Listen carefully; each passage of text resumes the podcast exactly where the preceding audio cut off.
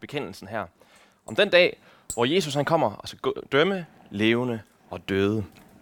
Og det er en, jo en alvorlig tekst. Så det handler omkring dommedagen. Og øh, teksten, som vi skal kigge på, det er fra Matteus evangeliet, kapitel 25, vers 31 til 46. Og der står sådan her. Når menneskesønnen kommer i al sin herlighed, og alle englene med ham, der skal han tage sæde på sin herlighedstrone. Og alle folkeslagene skal samles foran ham, og han skal skille dem, som en hyrde skiller forne fra bukkene. Forne skal han stille ved sin højre side, og bukkene ved sin venstre side. Der skal kongen sige til dem ved sin højre side, Kom, I som er min faders velsignede, og tag det rige i arv, som er bestemt for jer, siden verden blev grundlagt. For jeg var sulten, og I gav mig noget at spise. Jeg var tørstig, og I gav mig noget at drikke. Jeg var fremmed, og I tog imod mig. Jeg var nøgen, og I gav mig tøj. Jeg var syg, og I tog, tog jeg af mig. Jeg var i fængsel, og I besøgte mig. Og der skal de retfærdige sige, Herre, hvornår så vi dig sulten og gav dig noget at spise? Eller tørstig og gav dig noget at drikke? Hvornår så vi dig som en fremmed og tog imod dig? Eller som en nøgen og gav dig tøj? Hvornår så vi dig syg eller i fængsel og besøgte dig? Og kongen skal svare dem. Sandelig siger jeg, alt hvad I har gjort, må en af disse mindste, mine brødre, det har I gjort mod mig. Og der skal han sige til dem med sin venstre side, Gå bort fra mig, I forbandede, til, e- til den evige ild, som er bestemt for djævlen og hans engle. For jeg var sulten, og I gav mig ikke noget at spise. Jeg var tørstig, og I gav mig ikke noget at drikke. Jeg var fremmed, og I tog ikke imod mig. Jeg var nøgen, og I gav mig ikke tøj. Jeg var syg og i fængsel, og I så ikke til mig. Og der skal også de sige til ham, Herre, hvornår så vi dig sulten, eller tørstig, eller fremmed, eller nøgen, eller syg, eller i fængsel, uden at vi hjalp dig? Og der skal han svare dem, Sandelig siger jeg, alt hvad I ikke har gjort mod en af disse mindste, det har I heller ikke gjort mod mig og de skal gå bort til evig straf, men de er retfærdige til evigt liv. Det er Guds ord til os. For to uger siden, der kom jeg tilbage fra en tur på Færøerne. Jeg har været ude med, min, jeg arbejder også på en, en efterskole, som hedder Euroclass, og vi har været på en tur øh, der til Færøerne, hvor vi har stadig i tre uger med en, en gruppe elever. Og en ting, som jeg altid siger til mine elever, før vi skal afsted på sådan en tur, det er, jeg minder dem altid om, at det er rigtig vigtigt, at øh, hvis eller når, at de bliver såret af hinanden, eller kommer til at såre hinanden, eller kommer til at blive irriteret på hinanden, og øh, yeah, at der opstår forskellige ting imellem dem, så er det rigtig vigtigt, at de får snakket omkring de her ting. At de ikke bare går og lader det brænde inden, og går og bliver sur og er sure på hinanden, men at vi får snakket omkring de her ting, som øh, gør ondt og er svære. Og det her er igen og igen, og det skete selvfølgelig også på den her tur, at der var nogle tidspunkter, hvor både jeg var nødt til at få nogle af mine elever til at tage nogle snakke sammen, og jeg var nødt til at tage nogle, nogle ubehagelige, hvad skal man sige, eller ukomfortable samtaler med nogle af mine elever. Og jeg blev igen og igen øh, mindet om, at, at det, som er, er sværest for os at snakke om, det er ofte det, som vi har mest brug for at snakke om. Og det tror jeg egentlig, det gælder alle relationer, øh, om det er på arbejdspladsen med, med chefen, eller om det er i ægteskabet, eller i familien med forældre osv. Jeg tror, de fleste af os skal komme i tanke om nogle, nogle samtaler, som, som vi ikke har lyst til at, at have lige nu, men som vi nok et eller andet sted bliver nødt til at have, eller kommer til at have på et eller andet tidspunkt. Og jeg tror faktisk, noget af det samme princip gælder også, når det kommer til vores relation med Gud. At nogle af de, de ting, som vi har sværest ved at at høre de ting, som gør os mest ukomfortable som ting, som vi læser i Bibelen, som han siger til os i, i sit ord. Nogle af de ting, som vi har, ja, som vi, vi ikke ved helt, hvad vi skal gøre med. Og det er ofte de ting, som vi har mest brug for at høre. De ting, som vi har mest brug for at reflektere over og tage til os.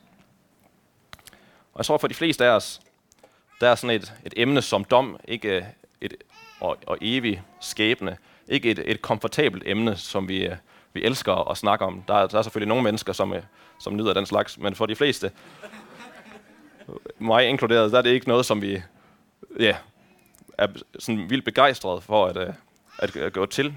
Men det er et vigtigt emne. Jesus han taler om det ofte. Og jeg tror også, altså Jesus' intention er faktisk, at vi skal blive ukomfortable. Det, det, jeg tror ikke, det kan undgås at være blive ukomfortabel, når man snakker omkring de her spørgsmål. Men han vil, at vi skal tænke over det. Og derfor han bliver ved med at, at tale om de her ting til sine disciple. Altså til os, som følger ham i dag. Det er noget, vi må forholde os til. Fordi det er noget, som belyser den måde, vi lever vores liv på i dag. De store og ultimative realiteter, altså evige skæbner, det er noget af det, som, som taler til den måde, vi lever vores liv på i dag. Og jeg har godt tænkt mig at, at tale lidt omkring, hvad, hvad har det af relevans for os i dag? Hvad har dommen af relevans for os? Og den første ting, som jeg vil komme ind på, det er dommens virkelighed. Og dommen er en virkelig ting, som kommer til at ske. Det her med, med snak omkring dom og evig skæbne, det er ikke bare ubehageligt for mange af os, men det er også noget, som nogle gange vi finder, finder svært ved at forholde os til. Fordi, og jeg tror, det, det skyldes af, af mange grunde, men blandt andet også fordi, at vi lever i en kultur, hvor at, at det her med, at, det skulle, at der er en anden, som skulle dømme os, at vi skal være ansvarlige over for, for en anden, det er ikke noget, som, ja, det er noget, som ligger meget fjernt for vores kultur i dag. Vores kultur i dag er meget fokuseret, fokuseret på mig selv. Det er mig selv, der er i centrum. Det er mig selv, øh, som er målestokken. Øh, det er mig, der er, det hele handler om. Det er individet, som er, at der er fokus på. Jeg hørte engang, jeg kan ikke huske, hvor jeg fik det fra, men en eller anden, som, som sagde, at, at i, i gamle dage, der troede man, at, at verden, at solen drejede sig omkring verden. Så fandt man ud af, at, at det i virkeligheden var verden, som drejede sig omkring solen. Men i dag, i dag der tror vi, at, at verden drejer sig omkring os. Og øh, det tror jeg, vi alle sammen kan genkende. Og jeg tror også, det kommer til at udtrykke på mange forskellige måder, også i vores relation med Gud, den måde, vi tænker på øh, og relaterer til ham på. Fordi i vores kultur, det jo, og i, i vores egen liv, bliver det lynhurtigt Gud, som sidder på anklagebænken, og os, som er dommer over for ham. Vi har det, altså det, er, det er Gud, som sidder på anklagebænken og skal for, forklare og give os gode grunde til, at vi skal tro på ham. Og det er os, som er dommerne, som øh, øh, skal vurdere, om der er nok, om han har givet os nok gode grunde til at tro på ham. Eller vi øh, stiller også Gud spørgsmål, vi, ja, sætter også Gud hen og siger, er han virkelig retfærdig, Gud? Er han retfærdig? Er han en god? Hvordan kan Gud være kærlig? Det er os, som, som vurderer og som, som dømmer Gud, og det er ham, som sidder på anklagebænken. Og det er os, som, som vil have Gud til at stå til ansvar for, for de ting, som han har gjort, eller de ting, som han ikke har gjort.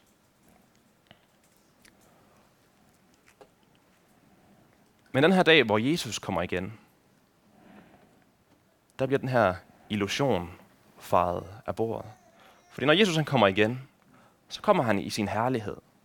Menneskesønnen, der kommer i sin herlighed med alle sine engle og tager sin plads på sin herligheds trone. Og den dag kommer vi alle sammen til at indse og forstå, at det ikke drejer sig omkring os. Det er ikke os, som er centrum for verden. Det er Jesus. Det er ham, det hele drejer sig om. Det er ham, det har drejet sig om fra starten, og som det drejer sig om helt til slut. Det er Jesus og hans herlighed, som er centrum for alting.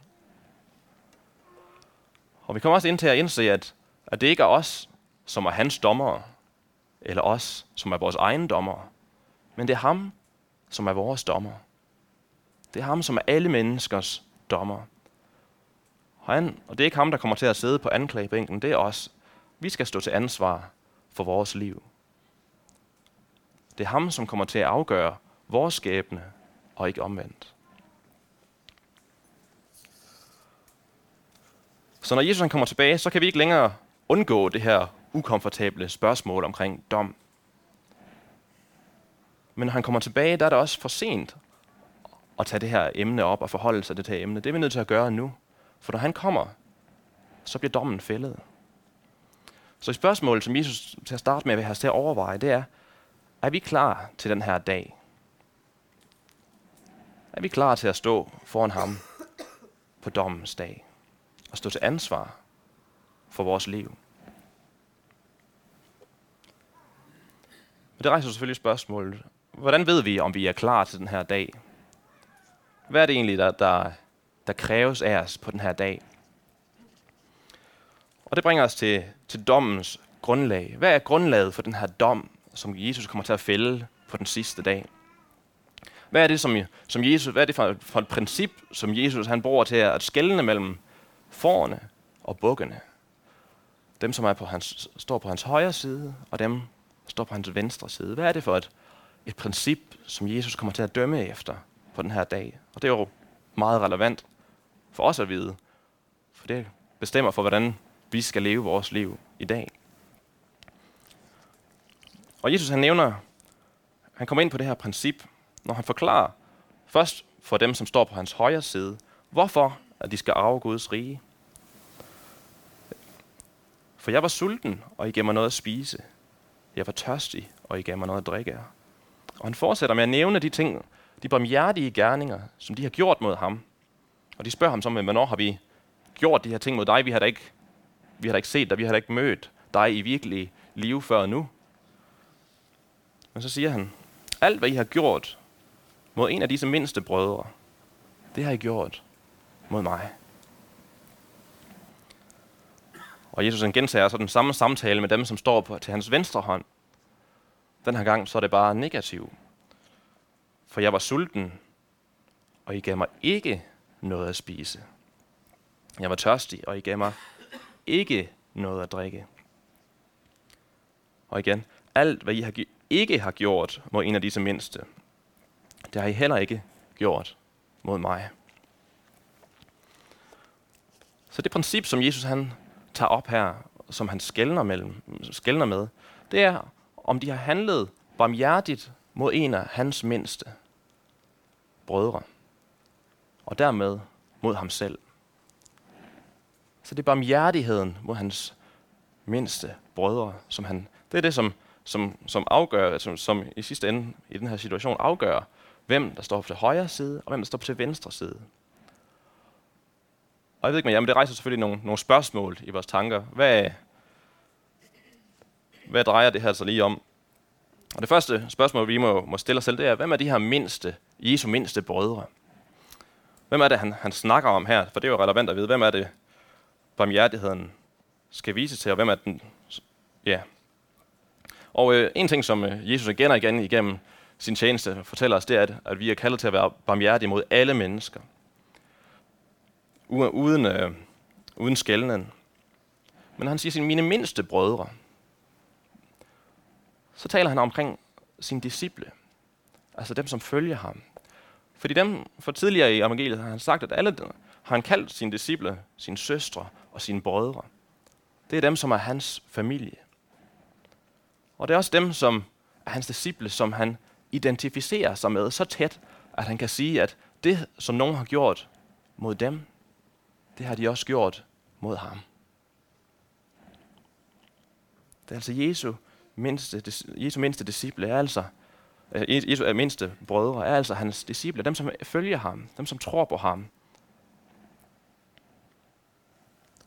Og han, når han siger de mindste disciple, så betyder det også, det er ikke bare dem, som øh, er ressourcestærke, dem, som øh, man glæder sig om at komme ind i, få ind i menigheden, fordi de kommer og bidrager med alt muligt.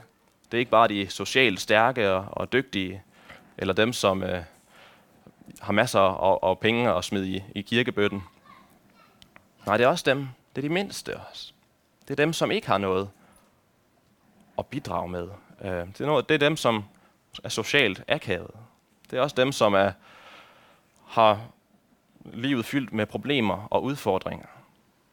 Det er også dem, som, som kræver flere ressourcer, end de er i stand til at, at, at give. Det her det er dem, som Jesus særligt sætter fokus på vigtigheden og barmhjertighed over for dem. Det andet spørgsmål, som så rejser sig for os, det er, hvad betyder det så for os på dommens dag? Fordi lige for, når man læser det her, eller hører det, så lyder det jo sådan lidt på overfladen, som om, at Jesus han siger, at, at det egentlig bare handler om at gøre gode gerninger. Altså, det, at vi bare skal få, altså hvis vi bare er, er, er barmhjertige nok og er gode nok mod mennesker, at øh, yeah, så bliver der afmålt efter det, og så dem, der, har, der gør flest gode gerninger og barmhjertige gerninger, de kommer så til at arve hans rige. Men er det virkelig det, som, som Jesus siger? Er det, handler det virkelig om at gøre sig fortjent til Guds rige? Det tror jeg ikke, det gør. Prøv at lægge mærke til i vers 34, da, da Jesus, han, da Jesus han taler, da kongen taler til dem på sin højre side. Så taler han om, hvad er det? Har de gjort sig fortjent til Guds rige? Hvad er det, der står? Han siger, I som er min faders velsignede, kom I som er min faders velsignede og tag det rige i arv. Hvem er det, der arver fra deres fader? Det er børnene. Det er faderens sønner og døtre. Det her, det er ikke noget, det her rige det er ikke noget, de har gjort sig fortjent til. Og ingen har gjort sig fortjent til det her rige. Det er noget, som han giver videre som en arv.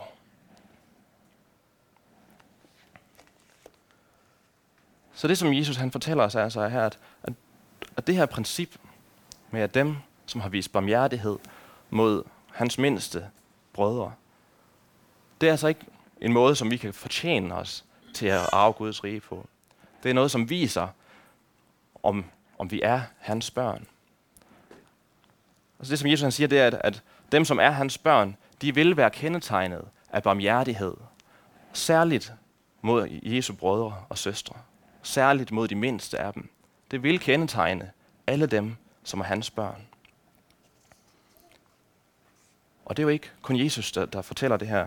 En af dem, som øh, Jakob i hans brev, det er meget muligt, at han tænker på den her passage, når han siger i Jakobs brev kapitel 2, vers 14, Hvad nytter det, mine brødre, hvis et menneske siger, at han har tro, men ikke har gerninger? Kan den tro måske frelse ham?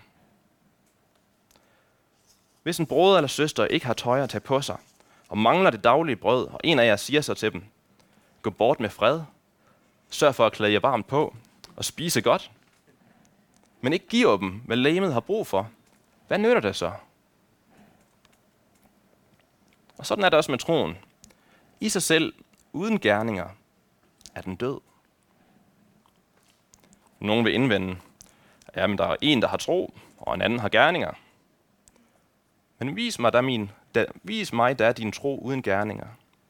Så skal jeg med mine gerninger vise dig min tro. Så både Jesu og Jakobs pointe er, at, at når vi er, hvis vi er børn af Gud, hvis vi har en, en levende relation med ham, som det hele handler om, så vil det komme til udtryk i barmhjertige gerninger. Særligt mod andre kristne. Særligt mod de mindste af vores brødre og søstre. Og hvis vores liv er uden barmhjertighed, og særligt uden barmhjertighed for Jesu mindste brødre og søstre, der viser det, at vores tro er død. At vi ikke er Guds børn. At vi ikke har en, en relation med ham. At vi ikke er, har taget del i hans barmhjertighed.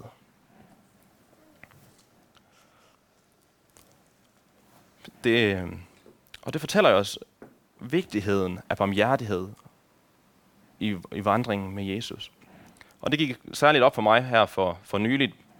Jeg, jeg er sådan en type, som godt kan lide at, at læse bøger, og jeg godt kan lide at jeg elsker at være alene med, med bøger og, og, og lære nye ting og sådan nogle ting. Og, ja, og det gjorde jeg så. Og jeg sad, sad og læste en artikel omkring øh, nye bøger, som jeg, sådan en artikel, som fortalte om nogle af de nye spændende teologiske bøger, som er kommet ud. Og jeg sad og lavede sådan en mental ønskeliste, og sagde, oh, den skal jeg købe, den skal jeg købe, den skal jeg købe, og den skal jeg have læst. Jeg ved ikke, om I, I kender kat til den der, jeg ved ikke med, med bøger måske, men med andre ting. Men øh, Jeg sad i hvert fald i gang med at lave den her gode mentale ønskeliste. Nu er det jo snart jul. Og, øh, men artiklen sluttede så af med et citat fra en tysk munk, som levede for mange år siden, som, som sagde sådan her. Når dommens dag kommer, vil der ikke blive spurgt ind til, hvad vi har læst. Men der vil blive spurgt ind til, hvad vi har gjort. Ikke hvor godt vi har talt, men hvor gudfrygtigt vi har levet.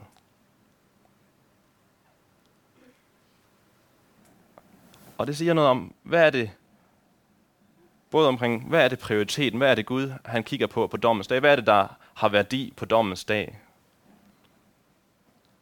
Det er ikke vores, vores viden, som vi kan komme med til, til Gud på dommens dag og vise ham. Det er ikke øh, vores bedrifter eller vores, vores egen dele, vi har fået skrabet sammen.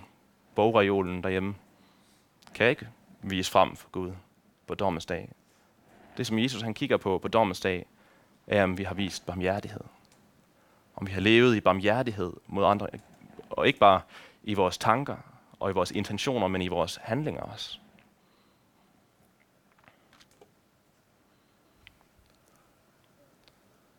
Så dem, som, som får barmhjertighed, dem, som får vist barmhjertighed på dommens dag, det er dem, hvis liv er kendetegnet af barmhjertighed nu.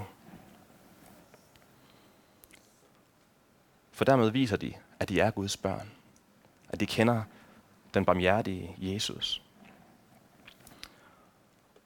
Og det har jo store implikationer for den måde, vi lever på i dag. At hvis barmhjertighed er så vigtigt, så har det jo store implikationer for den måde, vi prioriterer vores liv på, vores tid på, vores penge på. Og spørgsmålet kan jo så være, er det det værd? Er det det værd at give køb på komfort og alle de gode ting, vi kan samle os af i livet, for at vise barmhjertighed? Og det bringer os til det sidste punkt, dommens konsekvens. For Jesus gør det klart, at der kommer til at være konsekvenser på dommens dag. At vores liv, det liv vi lever nu her, kommer de ting vi gør, øh, det liv vi lever øh, i det her korte liv på jorden, kommer til at have evigheds betydning. Og det er nogle store konsekvenser, som Jesus han snakker om. Til dem på hans højre side, der siger han i vers 34, der, kongen, der skal kongen sige til dem, dem der står ved sin højre side, Kom, I som er min faders velsignede, og tag det rige i arv, som er bestemt for jer, siden verden blev grundlagt. Og i vers 46, og de retfærdige skal gå bort til evigt liv. For dem, som, som er Guds børn, og hvis liv afspejler det gennem barmhjertige gerninger, der bliver dommens dag den bedste dag i deres liv. Den dag kommer de til at se deres konge, deres herre, deres frelser og deres broder, Jesus, i alt hans herlighed og skønhed. Og den dag bliver de inviteret til at komme og tage del i hans rige. Til at arve Gud, faders rige. Kommer til at tage del i den nye skabning, den nye himmel og jord. Kommer til at blive deres. De kommer til at, at tilbringe evigheden sammen med Gud og glæde sig over hans herlighed for evigt. Uden ende. Altid voksende i deres glæde over Gud. Og det er ikke på grund af noget, som at de har fortjent det. Det er ikke på grund af, at, at deres gerninger har levet op til en eller anden, at de har samlet nok gerninger til at, at gå igennem testen. Det er fordi, ene og alene fordi, at deres konge og deres bror Jesus har vist dem barmhjertighed at han har givet sit liv for dem, har betalt med sit eget blod. Og de skal prise ham for evigt for hans barmhjertighed. Men der er også dem på hans venstre side. Og om dem står der i vers 41, der skal han sige til dem ved sin venstre side, gå bort fra mig, i forbandet, til den evige ild, som er bestemt for djævlen og hans engle. Og igen i vers 46. Og de skal gå bort til evig straf. Lige så herlige som, som den her dag bliver for dem ved hans højre side, dem som er hans børn, som viser barmhjertighed. Lige så forfærdelig kommer den til at blive for dem, som ikke var Guds børn, som ikke har vist barmhjertighed mod Jesus mindste brødre, og dermed ikke mod Jesus. De kommer til at modtage den straf, som de fortjener, som vi alle sammen fortjener, kommer de til at få og betale selv. De kommer til at dele skæbne med djævlen og alle hans onde ånder. For evigt. I evig pine. Uden ende og uden håb.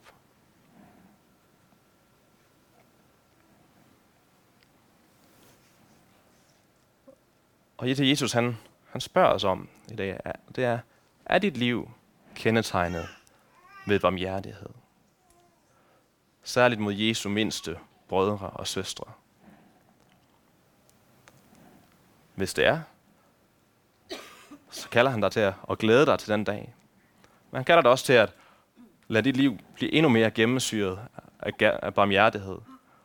Lad dit, lad din liv og dine prioriteter flyde over med barmhjertige gerninger, hvor end du ser behov. Men hvis dit liv ikke er kendetegnet ved barmhjertighed, så minder han dig om, at du lige nu er på vej mod fortabelse. Men han inviterer dig til at vende om. Han inviterer dig til at sætte sit håb til hans barmhjertighed. Så du også kan blive et af Guds børn og tage Guds rige i arv.